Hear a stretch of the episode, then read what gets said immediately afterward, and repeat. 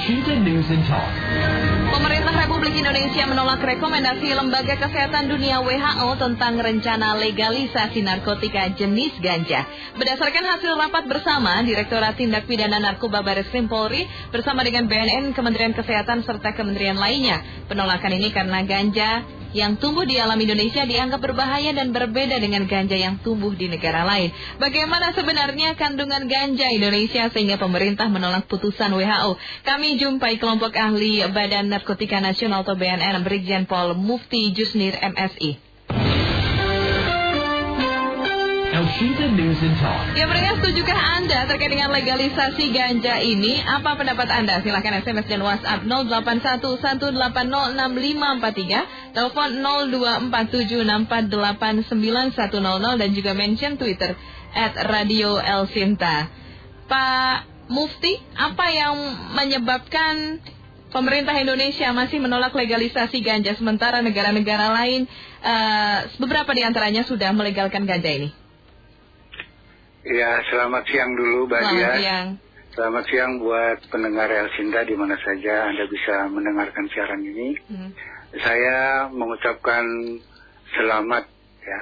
Kami baru saja memperingati Hari Anti Narkotika Internasional. Hmm. Yang mudah-mudahan keluarga kita semua tidak ada yang terlibat masalah narkoba ya. Ya, amin, amin, amin. Oke, ya. Jadi masalah eh, kemarin itu terus terang memang eh, saya sendiri ikut langsung ya di dalam sidang PBB yang diadakan eh, oleh WHO ya. Itu sidang itu baru pertama kali di dunia ini sidang UN itu diadakan dengan virtual ya.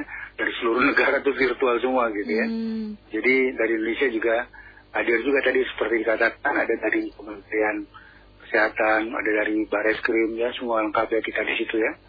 Eh, kemudian di sana membahas tentang eh, adanya rekomendasi ya dari expert Komite Drug Dependent yaitu ACDD ya dari WHO itu yang membuat suatu rekomendasi, rekomendasi 54 dan rekomendasi 55 rekomendasi 54 dan 55 ini ya terkait dengan masalah eh, ganja Ya. gitu ya. Hmm. Jadi intinya eh, ACDD memang berpendapat bahwa eh, mengatakan bahwa ekstrak dan tinktur itu ya dan ekstrak dan tinktur kanabis merupakan suatu preparat yang eh, dikatakan mencontohkan eh, delta 9 tetrahidrokannabinol dan juga mengandung preparat cannabidiol ya. Hmm. Ya, sehingga ada preparat di sana yang bersifat eh, bisa digunakan sebagai pengobatan yang dikatakan begitu. Iya. Dan kemudian di dalam eh, statement yang disampaikan di rekomendasi 54 itu, ACDD mengatakan bahwa eh, dia mengakui bahwa eh, ekstrak tersebut Hmm. tetap mengandung zat yang bersifat psikoaktif yaitu tetap mengandung tetrahidrokannabinol. Jadi Hmm. delta 9 tetrahidrokannabinol itu juga tidak bisa dihilangkan gitu ya di dalam eh, preparat yang mengandung zat yang bisa digunakan untuk pengobatan tadi. Ya di antaranya yang sudah dikatakan, yang sudah resmi dikatakan mereka disampaikan adalah zat yang berkhasiat untuk kesehatan itu Hmm. baru terbatas kepada pengguna untuk pengobatan epilepsi, ya. Jadi bukan yang lain-lain, jadi hanya epilepsi saja. Hmm. Sedangkan- itu itu dari Ya. WHO yang menyampaikan. Oke, dari ini dari WHO dulu. Jadi nanti Hmm. setelah itu baru bagaimana eh, kita menanggapi sikap itu, gitu ya. Beberapa negara juga menanggapi sikap itu. Iya betul. Nah, jadi sikap itu eh, dikatakan bahwa eh, eh, tadi itu bahwa katanya tetap dia mengakui memang ada di dalam sediaan itu eh, tetap terbawa gitu zat aktif dari THC itu kan tetap terbawa walaupun yang dia ambil zatnya yang berkhasiatnya saja diambil tetapi tetap terbawa gitu ya. Yang tetap gitu nah di sana eh, dikatakan bahwa zat itu nanti mau dihapuskan begitu ya. Jadi sedangkan itu sekarang kan jelas-jelas bahwa itu ada terdaftar di dalam convention eh, single convention tahun 1961 ya. Jadi kalau kita bicara mbak Hmm. mbak dia jadi kita bicara masalah eh, apa namanya ini tentang eh, narkotika jadi ini kita berkaitan sangat banyak sekali. Jadi instansi dunia sangat banyak berkaitan. Karena tadi yang menyatakan itu adalah ACDD, jadi Expert Komite Drug Dependennya WHO. Hmm. Nah, jadi sedangkan urusan-urusan yang bersifat pengawasan terhadap peredaran narkotika itu, itu adanya ada di International Control Board, ya INCB. Jadi International Narcotic Control Board, INCB, kemudian juga UNODC, United Nations Office on Drug Crime. Hmm. Ya, jadi kalau BNN itu eh, ada korelasi langsung antara UNODC dengan BNN, kemudian dengan INCB. Kalau INCB dia korelasinya bisa dengan Kementerian Kesehatan, ya begitu, dan juga dengan WHO seperti itu. Nah, sekarang kaitannya dengan UNODC, kita waktu sidang eh, kemarin, sidang di Vienna, Austria, di sidang CND, Convention on Narcotic Drug yang lalu di bulan eh, Maret, itu mereka mencoba me- dari ACDD apa tadi itu me- menyampaikan untuk dibuatkan suatu disahkan begitu ya. Namun oh, sang- jumlahnya sangat besar, jadi eh, negara itu semua eh, tidak seluruhnya yang dibilangkan negara itu pada setuju, karena baru beberapa negara saja ya yang dikatakan bahwa eh, sudah di disetujui gitu ya bahwa di sana itu ganja di eh, legal seperti itu. Jadi tidak semuanya, hanya beberapa negara saja gitu ya. Nah, Sehingga negara-negara yang lain jadi menolak, nggak mau gitu ya. Hmm. Jadi minta Itu banyak yang menolak Jadi- atau yang mau, Pak? banyak yang nolak. Jadi banyak yang nolak. Jadi minta dipelajari lagi. Hmm. Jadi akhirnya peserta dari sidang eh, CND ya itu yang yang mengadakan adalah United Nations Office on Drug Crime ya itu yang berkaitan dengan eh, kayak Baris Krim lah, kayak BNN lah, gitu ya. Iya. Setiap negaranya seperti itu ya, kayaknya seperti itu. Jadi semua pada menyampaikan coba dikaji kembali nggak bisa secepat itu gitu loh, Hmm. ya kan? Hmm. Nah, udah kan akhirnya eh, dia Tapi bukannya eh, ganja ini sudah banyak dikaji beberapa tahun lalu ya, Pak Mufti? Ah, kajian-kajian ganja memang ada, tapi inilah harusnya kan kita jelas ya kalau kajian itu puncaknya adalah ACDD yang berbicara, berarti dia Hmm. lengkap datanya. Nah sekarang ah, kemarin dia hasil diputuskan dimundur sampai ke bulan Juni gitu ya, ya kan bulan Juni ini ya kan untuk adakan khusus rapat yang masalah eh, rekomendasi ganja gitu. Jadi dikasih berapa bulan, Hmm. dikaji mereka, ah, mereka eh, akhirnya minta hadirkan seluruh eh, peserta anggota PBB itu untuk menanggapi apa yang direkomendasikan tadi. Nah, eh, kemudian eh, dari sikap-sikap dari beberapa negara yang hadir pada eh, sidang PBB yang eh, tadi malam, itu tanggal 24, 25 Juni yang lalu, beberapa hari yang lalu ya, itu juga sebagian besar bahwa mereka menolak gitu ya. Hmm. Ya. Halo, Pak Mufti? Pak Mufti masih bersama kami? Baik pendengar terputus komunikasi kami bersama dengan kelompok ahli Badan Narkotika Nasional atau BNN Brigjen Pol Mufti Yusnir MSI. Sedianya kami sedang membahas terkait dengan adanya pemerintah Republik Indonesia yang menolak rekomendasi Lembaga Kesehatan Dunia WHO tentang rencana legalisasi narkotika jenis ganja. Tadi disebutkan, jadi semalam sudah ada pertemuan antara negara-negara dan juga uh, WHO untuk membahas antanya uh, rencana legalisasi ini. Karena di Indonesia sendiri berdasarkan hasil rapat bersama dengan Direktorat Tindak Pidana Narkoba Baris Krim Polri bersama dengan PNN, Kementerian Kesehatan serta kementerian lainnya, karena ada beberapa penolakan ya, karena ganja Indonesia itu uh, tidak serta merta bisa tumbuh dan dianggap berbahaya dengan uh, negara-negara yang lainnya. Pak Mufti, mohon maaf ya, komunikasi kami sempat terputus, bisa disampaikan kembali terkait dengan adanya, mm, uh, baik dengan adanya uh, negara-negara lain tadi juga banyak yang disampaikan kalau uh, menolak adanya legalisasi ganja ini. Bisa disebutkan negara-negara tersebut uh, negara yang dominasi itu uh, negara maju atau yang mempunyai ge- geografi seperti apa? Tadi kan uh, saya sempat menyampaikan di awal ya. Jadi untuk uh, terkait dengan pertumbuhan ganja yang ada di negara Indonesia itu tidak sama dengan negara-negara lainnya. Iya, saya tidak hafal ya dengan list yang apa namanya negara-negara yang Hmm, tapi mayoritas begitu menolak. karakternya Iya. seperti apa? Hmm. Iya, jadi begini saya katakan bahwa sekarang eh, jelas ya bahwa kita kemarin juga me- menilai dari hasil kajian itu karena si ACDD ini menyatakan bahwa eh, zat itu eh, tidak eh, apa namanya tidak menyebabkan ketergantungan gitu loh ya. Tidak menyebabkan ketergantungan kemudian dia bersifat bisa digunakan untuk pengobatan ya kan. Nah, sedangkan ACDD tidak menampilkan beberapa pengujian-pengujian eh, yang istilahnya Hmm. kalau suatu obat itu pengujiannya sangat panjang mbak Hmm, hmm. jadi pengai- prosesnya panjang. Jadi mulai dari alam itu, kemudian dites dulu di laboratorium. Laboratoriumnya yang pertama tanpa eh, hewan percobaan, Hmm. kemudian setelah itu digunakan hewan percobaan. Ada yang in vivo, ada yang in vitro. Kemudian setelah uji itu baru dites kembali dengan uji klinisnya, hasilnya seperti apa. Hmm. Kemudian baru di volunteer lagi, Hmm. dicarikan lagi volunteer manusia yang mau mencobakan itu, ya kan? Hmm. Nah, itu proses panjang. Sedangkan ACDD tidak menampilkan itu. Harusnya kalau memang benar-benar dia punya data yang akurat, dia tampilkan itu. Nah, Iya. jadi beberapa negara termasuk Indonesia juga menyatakan bahwa kenapa terlampau cepat menyatakan itu tidak menyebabkan ketergantungan. Dan tolong ditampilkan hasil penelitiannya mana gitu ya. Nah karena kalau kita eh, tidak melihat hasil penelitiannya, uji klinisnya yang jelas itu, maka kita kan juga tidak bisa menerima seperti itu. Hmm. Ya, seperti itu Mbak.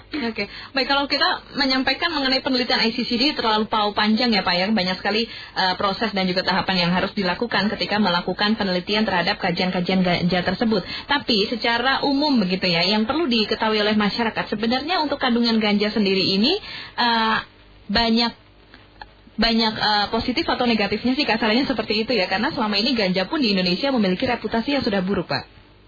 Nah, jadi terus terang, ganja itu banyak sekali negatifnya. Oh begitu Saya ya, katakan ya. dibandingkan Jadi positifnya yang- ya.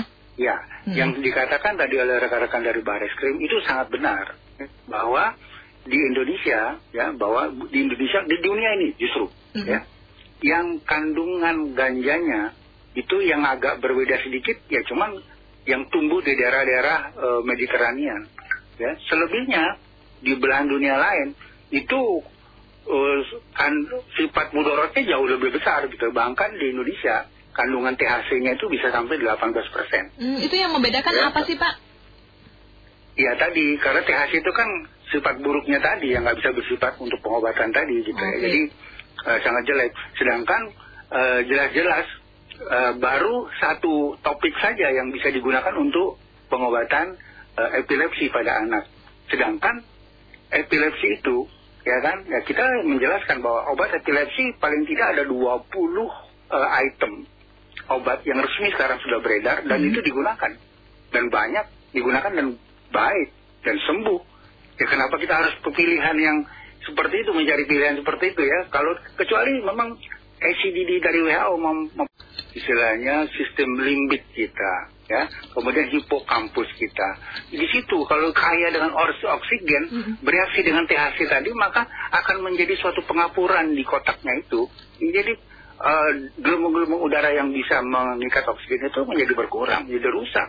Kalau misalnya 100% isinya yang kemampuan bisa mengikat oksigen, begitu rusak dengan ganja THC tadi itu, misalnya 60% rusak, Iya. tinggal sisa 40%, tidak akan bisa yang 60% dikembalikan seperti semula, nggak bisa. Oke. Tinggal sisanya saja yang bisa dipakai. Itu sebabnya berisikonya sangat berat sekali gitu. Ya baik. Kita coba dengar komentar Pak Ali ada di Jepara Jawa Tengah ya, Pak Mufti ya. Silakan Pak Ali. Halo, selamat siang Pak Mufti. Eh, selamat siang Pak, silakan. Pertama, yang ingin saya tanyakan Pak, kata-kata legal ini bagaimana akan begitu? Hmm. Kalau legalnya itu terus diberikan kebebasan dalam menanam, dalam pokoknya dalam segala hal ini yang saya takutkan justru masyarakat atau rakyat Indonesia itu akan apa menyalahgunakannya gitu. Saya yakin itu. Yang kedua, sebagai negara yang berasaskan Pancasila, yang pertama ketuhanan yang Maha Esa. Kalau di dalam agama Islam sendiri ya memang dikatakan bahwa hammer dan sejenisnya seperti ganja itu memang ada manfaatnya. Tetapi madorotnya lebih besar. Maka dari itu saya tetap setuju dengan apa yang dikatakan Bapak. Saya tetap menolak ilegalkannya ganja di Indonesia. Terima kasih Pak. Baik. Terima kasih Iya. ya. Silakan ditanggapi Pak Mufti. Iya, Pak Ali, terima kasih sekali lagi Pak Ali sudah bisa membayangkan masa depan bangsa kita ini. Kalau anak-anak kita, kita legalkan ini anak-anak kita jadi apa? Ya kan, karena kandungan ganja yang ada di Indonesia sangat berbeda ya dengan yang tadi. hanya yang di Mediterranean saja. Itu yang yang lebih cenderung mudah untuk di, diambil zat aktif yang bisa untuk mengobati epilepsi tadi. Ya, sedangkan ya belahan dunia yang lainnya yaitu termasuk Indonesia, Malaysia, Thailand, semua yang di ASEAN ini, kemudian ada di Maroko, segala macam itu yang kandungannya justru THC-nya jauh lebih dominan sekali dan di situ yang dampak buruk tadi, ya kan? Nah, kita sebenarnya mengakui kalau di agama Islam itu Allah menciptakan sesuatu tidak ada yang yang istilahnya yang sia-sia. Ya kan? Nah, tetapi manusia sekarang masalahnya manusia itu menggunakannya untuk tujuannya rekreasional. Oke. Beda. Nah, kalau misalnya untuk tujuan-tujuan itu bisa kita eliminir, mungkin tidak apa namanya ketakutan daripada pemerintah. Itu tidak seperti itu. Karena kan kenyataannya menjadi sulit. Semakin lama semakin besar. Kasus itu makin banyak. Dan ranking ganja itu tetap yang tertinggi di Indonesia. Hmm, hmm. kemudian yang kedua baru sabu. Seperti itu. Jadi di mana kita mau nggak khawatir. Sedangkan kita sekarang adalah aset negara kita ataupun aset bangsa kita ini oh, sangat banyak kalau misalnya SDM kita lemah, Hmm. kemudian itu bisa ke mana itu barang itu bisa hilang semua aset itu dikuasai semua oleh asing, oleh asing sekarang kan? Nah seperti itu. Jadi eh, sangat berbahaya bang. Kesimpulannya memang ya bahwa yang dikatakan UNODC itu ya yang dikatakan mohon maaf dikatakan ICDD dari WHO itu mereka tidak dapat menunjukkan ya sanggahan dari masing-masing negara yang menyangga termasuk Indonesia, Singapura, di ASEAN juga aktif kayaknya Indonesia, Singapura, beberapa negara lagi yang banyak lagi yang lain juga menyangga, menyatakan hampir sama pertanyaan kita. Ya kan terlampau cepat. Mana uji klinis yang mana yang mana tadi tidak ada. Hmm. Mengatakan itu tidak tidak berpengaruh. Ya kan? Nggak bisa. Jadi harus ditampilkan semua dan ini harus kita kaji. Hmm.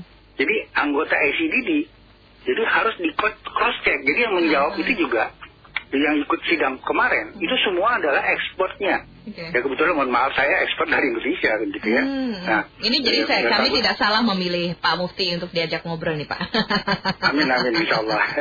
Oke. Jadi seperti itu dari dari dari Singapura dari Hmm. Australia itu juga sama seperti Iya. itu. Jadi ekspor mereka Hmm. yang yang berbicara. Ini ada komentar-komentar lain juga kita eh, coba baca ya dari yang sudah masuk melalui WhatsApp kami Pak Mufti. Di sini ada dua komentar yang eh, pro dan kontra. Saya bacakan Pak Daulat. Hmm. Saya sudah berusia Iya. 63 tahun, Pak. Setahu saya ganja Iya. itu menyehatkan. Saya sangat setuju kalau dilegalkan karena ciptaan Tuhan, undang-undang narkoba buatan manusia ya. Lalu di sini ada eh, yang ada di Tamrin. Eh, da- ketika saya remaja tapi tidak menyebutkan namanya ya ini ya Pak ya. Sekitar tahun Iya. 1973 saya biasa mengisap ganja, bahkan masih aman, ta- aman. Tapi ketika saya mengisap ganja terasa efeknya adalah mentalnya saya menjadi ciut dan penakut begitu Pak. Jadi mempunyai efek buruk. Jadi dua pendapat ini sangat berseberangan. Ah, apa yang bisa diluruskan dari dua pendapat ini Pak? Sekarang begini, saya jelaskan ya bahwa ini berkaitan dengan yang efek yang tadi ya. Sekarang saya katakan bahwa ganja jelas-jelas adalah ganja tidak mematikan. Jadi pemakai ganja itu tidak akan mati. Tapi yang sudah jelas adalah akan melumpuhkan sel otaknya. Pertama, kerjanya awalnya tadi itu karena dia langsung bekerja di dalam eh, berikatan di dalam otak kita itu langsung mempengaruhi cerebrum kita, itu otak kecil. Kemudian di sana ada sistem kontrol gerak di situ, ya kan? Setelah itu dia juga akan berpindah kan jauh lebih besar lagi dia penggunaannya lebih lama dan Iya. itu akan berakibat kepada sistem limbik kita. Ini yang mengatur kontrol emosi. Nah, ini nih yang tadi mengatakan saya kok jadi penakut jadi apa? Emosinya bisa nggak jelas gitu loh. Hmm. Bisa bisa tidak terkontrol dengan meluap-luap, bisa juga dengan akan terjadi siut gitu seperti itu. Nah, Hmm. jadi emosi yang dikontrol inilah kalau misalnya tidak sesuatu akan diemosikan ditambah dengan meminum minuman keras misalnya, Iya, iya. ini bisa bahaya sekali, akan menimbulkan dampak sosial masyarakat yang lebih besar, Oke. yaitu kriminalitas seperti. Hmm. Nah, di, sisi- lain ya, saya katakan bahwa dia juga eh, yang katakan bahwa short term memorinya terganggu. Ya, dikatakan gimana short term memory itu? Jadi kita katakan bahwa eh, kalau bekerja di hipokampus itu bahwa itulah yang diharapkan intelektual orang Hmm. itu di hipokampus, ya kan? Nah, kemudian eh, ada juga yang dikatakan tadi bahwa dia itu mempunyai rasa-rasa gangguan kesehatan yaitu tadi karena dia sudah mempengaruhi daripada uh, reseptor yang ada di CB1 yang dia ada uh, amigdala istilahnya reseptor CB1 itu di otak kita. Hmm. Nah, di situ dia akan nanti lama-lama inilah yang dikatakan misalnya bers- punya gangguan kejiwaan, Hmm. ansietas, Hmm. ya kayak gitu ya. Nah, jadi di dua yang tadi itu pernah gangguan kriminalitas ataupun yang saya bisa tampilkan ada data yang saya ingat karena ini kan mendadak saja ya. Jadi Ya. yang saya ingat adalah ada pengemudi kendaraan waktu itu wanita yang dia mengkonsumsi ganja dan sabu sekaligus. Ya, Hmm. kemudian dia di Tugutani sampai di sana ada orang di kaki lima, di Hmm. trotoar Hmm. dihantam semua Iya, iya. sampai tewas sembilan orang, Oke. ya kan? Hmm. Nah, kemudian di- dibuat berita acara oleh kepolisian, dia mengakunya, udah saya rem kok pak mobilnya, gitu, sudah Hmm. saya rem, ya kan? Hmm. Dan itu dia pernyataan seperti itu. Akhirnya lalu lintas mengecek di TKP, ternyata bekas jejak rem kan berbeda bentuknya dengan jejak yang digas, gitu ya. Nah dia mengatakan dia sudah direm, padahal itu digas. Di situlah gangguan yang tadi-tadi ya short term memorinya dia. Jadi ada istilahnya dia eh, ada yang berubah begitu, ya. Jadi gangguan eh, di orientasi ruang dan waktunya gitu ya akan terganggu. Ini sangat berbahaya sekali. Ya, Nah itu dia. baik. Eh, Pak Mufti. Apa lagi? Oke. Iya. Saya walaupun belum ada kemungkinan ya eh, legalisasi ganja itu akan dilakukan di Indonesia. Tapi ada nggak ya eh, skema-skema hukum lalu juga perizinan yang memang harus diterapkan oleh suatu negara kalau misalnya suatu negara tersebut harus melegalkan ganja eh, ganja di sini ganja medis dan harus sesuai dengan ini ya pastinya ya tidak disalahartikan maksud kami. Nah tadi itu, jadi pengertian legal itu harus hati-hati dibaca lagi, ya. Hmm. Dibaca lagi benar bukan arti legal di ya kayak saya yakin ya kalau di Malaysia seperti itu legal, kemudian di Thailand legal katanya, itu legalnya seperti apa? Lu baca lagi ada statementnya itu. Hmm, hmm. Iya Yang maksud kami. legal untuk tujuan penelitian. Nah, itu maksud kami. seperti itu. Ganjanya kan kami tadi Betul. menyampaikan ganjanya medis, legalisasinya itu kan untuk eh, keperluan eh, pengobatan pastinya bukan untuk yang lain-lain. Maksudnya seperti itu Pak Mufti ya. Nah, nah skema hukumnya seperti apa? Suatu negara itu bisa melegalisasi ganja medis ini, Pak? Jadi kalau kita sekarang berorientasi kepada undang-undang yang ada di kita, Mm-mm. kalau di mereka kan memang berbeda-beda ya, undang-undang mereka beda-beda gitu. Kalau kita yang jelas, halo? Iya, kami menyimak, Pak. Oh, Oke ya. Jadi di negara kita, yaitu kita berpedoman kepada Undang-Undang Nomor 35 Tahun 2009 tentang narkotika.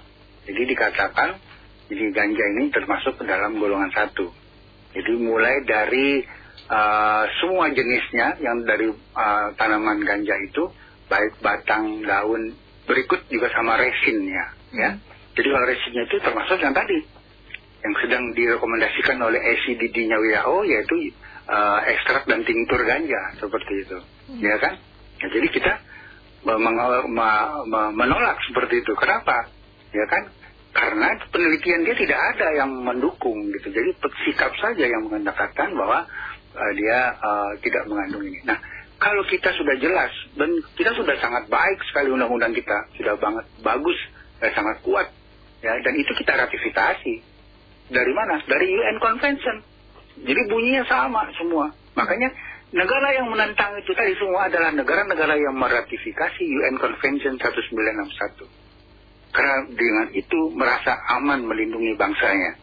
Ya, tapi yang tidak meratifikasi, ya kemungkinan itu dia yang akan kecolongan. Nah, tetapi saat ini sudah mulai timbul di beberapa negara keluhan-keluhan dari negara itu dengan mereka telah memberikan kelonggaran terhadap eh, adanya penggunaan beberapa jenis ka- apa zat berkhasiat tadi yang untuk pengobatan tadi ganja tadi Hmm. di situ. Nah di sini yang, yang saya jelaskan bahwa kita sekarang luar biasa nih, ya. Sedangkan eh, kita lihat sekarang yang rokok elektronik saja sekarang itu belum di- diatur, ya. Itu sedangkan di situ banyak sekali yang ada modusnya, ya, mengedarkan dan me- mensubstitusikan di dalam eh, rokok elektrik itu zatnya adalah ditukar gitu. Jadi zatnya diganti dengan ganja sintetis gitu ya. Jadi ganja sintetis sangat banyak jenisnya ya. Termasuk juga kayak tembakau gorila itu itu juga ganja sintetis ya seperti itu. Jadi sangat banyak sekali. Nah itu akan berisiko. Kenapa? Karena kandungan kita, kandungan THC yang ada di Indonesia ini sangat dominan gitu ya. Dan ini di dunia yang paling tinggi, 18 persen gitu ya. Nah, sedangkan yang di Maroko cuma 15 persen, kita 18 persen gitu ya. Nah, hampir di ASEAN ini di bawah-bawah kita sedikit lah. Itu hanya perbedaan di ketinggian uh, hutan tropisnya saja. Hutan tropis Indonesia bagus di situ, mataharinya cukup, ya, udaranya cukup, sehingga itu menghasilkan kadar uh, THC-nya tinggi, ya. Jadi mungkin suatu saat nanti kalau misalnya kesadaran masyarakatnya sudah tinggi, ya, tidak terjadi penyalahgunaan penyalahgunaan, itu mungkin nanti bisa beradaptasi lagi entah kapan kita nggak tahu. Tapi saat ini, apalagi jelas bahwa penyalahgunaan narkotika sangat bersignifikan dengan pertumbuhan ekonomi. Kalau ekonomi kita susah, maka peredaran narkotika biasanya naik. Ya, Mm. nah ini yang kita rawan. Kalau peredaran narkotika naik, nanti akan justru berdampak kepada SDM-nya banyak yang kena semua. Iya. SDM kena, maka kita akan hilang kita nanti generasi emas kita hilang nanti di sana nggak jadi 2045 Hmm. ya seperti Hmm. itu. Nah Oke. ini yang sangat beri, kita berisiko sekali. Jadi kita sudah berkumpul semua sepakat ya, dengan tim yang ada dari Indonesia sendiri dan juga beberapa negara yang saya katakan saja yang meratifikasi dari UN Convention 1961 semuanya kayaknya menolak itu Hmm. dan meminta kejelasan lagi. Tapi kalau melihat kejadian-kejadian beberapa eh, hal ya, Pak Mufti, di tahun 2017 saya mengambil satu contoh, mungkin ada Ya. juga beberapa eh, kejadian lain yang belum sempat terekspos gitu ya. Dan tahun 2017 muncul itu sebuah eh, kasus begitu ya, Fidelis dari Kalimantan, Pak, yang menggunakan ganja Ya. untuk mengobati istrinya itu pasti eh, Ya. Pak Mufti juga mendengar ya kabar itu yang sakit me- Iya. mengidap sakit seringomelia Iya. yang ternyata membuahkan Iya. hasil dapat bertahan hidup walau ah, akhirnya meninggal dunia. Namun ketika Iya. Fidelis ditangkap dan dipenjara eh, istrinya nggak ada yang ngobatin gitu. Justru Iya. istrinya meninggal saat kejadian tersebut, Pak. Nah, Iya. melihat kasus ini ataupun kasus-kasus lain yang mungkin masyarakat juga pendengar uh, mengetahui Hmm. tanpa uh, terpublikasi begitu. Uh, ada sisi positif nggak sih? Tadi kan ada Pak Mufti menyampaikan banyak negatif, banyak mudorotnya begitu ya. Tapi Iya. kalau misalnya dikonsumsi ataupun digunakan secara uh, tepat ya dengan porsi yang tidak berlebihan ya artinya tadi uh, dalam tanda kutip adalah pengobatan. Nah ini memang benar-benar bisa nggak sih uh, selain tadi epilepsi juga bisa mengobati penyakit-penyakit lainnya karena kajian-kajiannya uh, untuk ganja ini saya nggak mau nyebutin karena saya bukan pakarnya pak. Uh, beberapa hal di antaranya juga uh, Ya. mm, apa menilai itu tepat untuk mengobati beberapa penyakit tidak hanya epilepsi tadi pak. Oke. Jadi kita ingat semua dengan kejadian siapa Delis ya namanya? Fidelis ya orang Kalimantan. Fidelis, ya. Hmm, istrinya Oke, orang Jawa ya. Tengah juga pak aslinya pak. Oke, gitu ya. Iya. Jadi eh, itu saya katakan saja bahwa ini harus kita semua harus jelas. Saya kebetulan ada di kelompok ahlinya Badan Narkotika Hmm, Nasional. hmm. Apa yang ada yang saya harus sampaikan, yang harus supaya masyarakat bisa dapat pencerahan yang jelas, Hmm. jadi tidak samar-samar ya. Jadi eh, bahwa ganja itu yang tadi saya katakan, ganja ini kan bersifat psikoaktif, ya, yang buruknya tadi itu, ya, yang THC tadi itu. Nah, sifat psikoaktif itu akan bereaksi ya ke dalam tubuh kita, ya, yang orang kenal mungkin selama ini. Jadi dia akan menimbulkan suatu eh, istilahnya menimbulkan sifat jadi sifat analgetiknya, eh, menghilangkan rasa sakitnya, ya kan? Nah, itulah sebabnya menghilangkan rasa sakit tadi untuk ganja Indonesia mungkin cukup bagus gitu ya. Tetapi sekarang kita di sisi lain kan dampak buruknya yang besar sekali. Nah sekarang obat penghilang rasa sakit itu banyak gitu. Saya ambil contoh nih sekarang. Kalau kita berpedoman kepada yang tadi di Kalimantan itu, saya gampang ambil contohnya seperti, gini. Kita sakit gigi. Iya. Banyak kan masyarakat yang belum mendapatkan penjelasan dari uh, apotekernya ataupun dari dokternya. Kebetulan saya apoteker, Mbak Hmm. Dias ya. Oh, Jadi oke. ya saya apoteker ya. Jadi kebetulan kalau misalnya belum dapat penjelasan yang tuntas dari uh, apoteker ataupun dokternya, maka dia beranggapan bahwa sakit gigi itu bisa dia beli saja. Saya beli ini dong analgetik gitu. Saya nggak nyebutin merek ya. Hmm, banyak ya, apoteker. Hmm. Saya minta beli obat analgetik karena nih apa sakit gigi gitu. Ketika saya sedang praktek, saya berada di apotek. Saya bilang, Anda sakit gigi sejak kapan? Gitu ya. Nah, sejak udah lama rupanya. Jadi sakit gigi itu tidak bisa dihilangkan ini. Yang menghilangkan itu rasa sakitnya saja yang hilang, tapi penyakitnya tidak hilang, saya bilang. Hmm. Jadi harus beda ya. Menghilangkan rasa sakit belum tentu menghilangkan penyakitnya. Hmm. Jadi saya sarankan coba Anda ke dokter saja, Hmm. ya kan nanti Anda pasti dikasih antibiotik. Nah, antibiotik itulah yang akan menghilangkan penyakitnya, saya bilang. Jadi rasa sakit tadi itu hanya semu saja karena pada saat sakit kita makan analgetik hilang dia.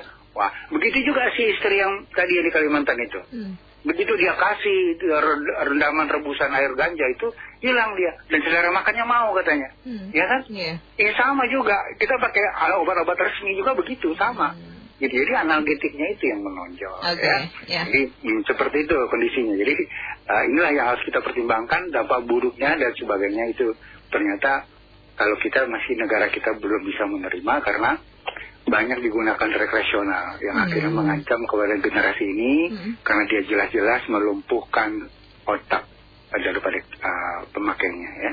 Oke baik, ini ada, kita terakhir mungkin tanggapi komentar yang sudah masuk melalui WhatsApp ya, Pak Mufti ya.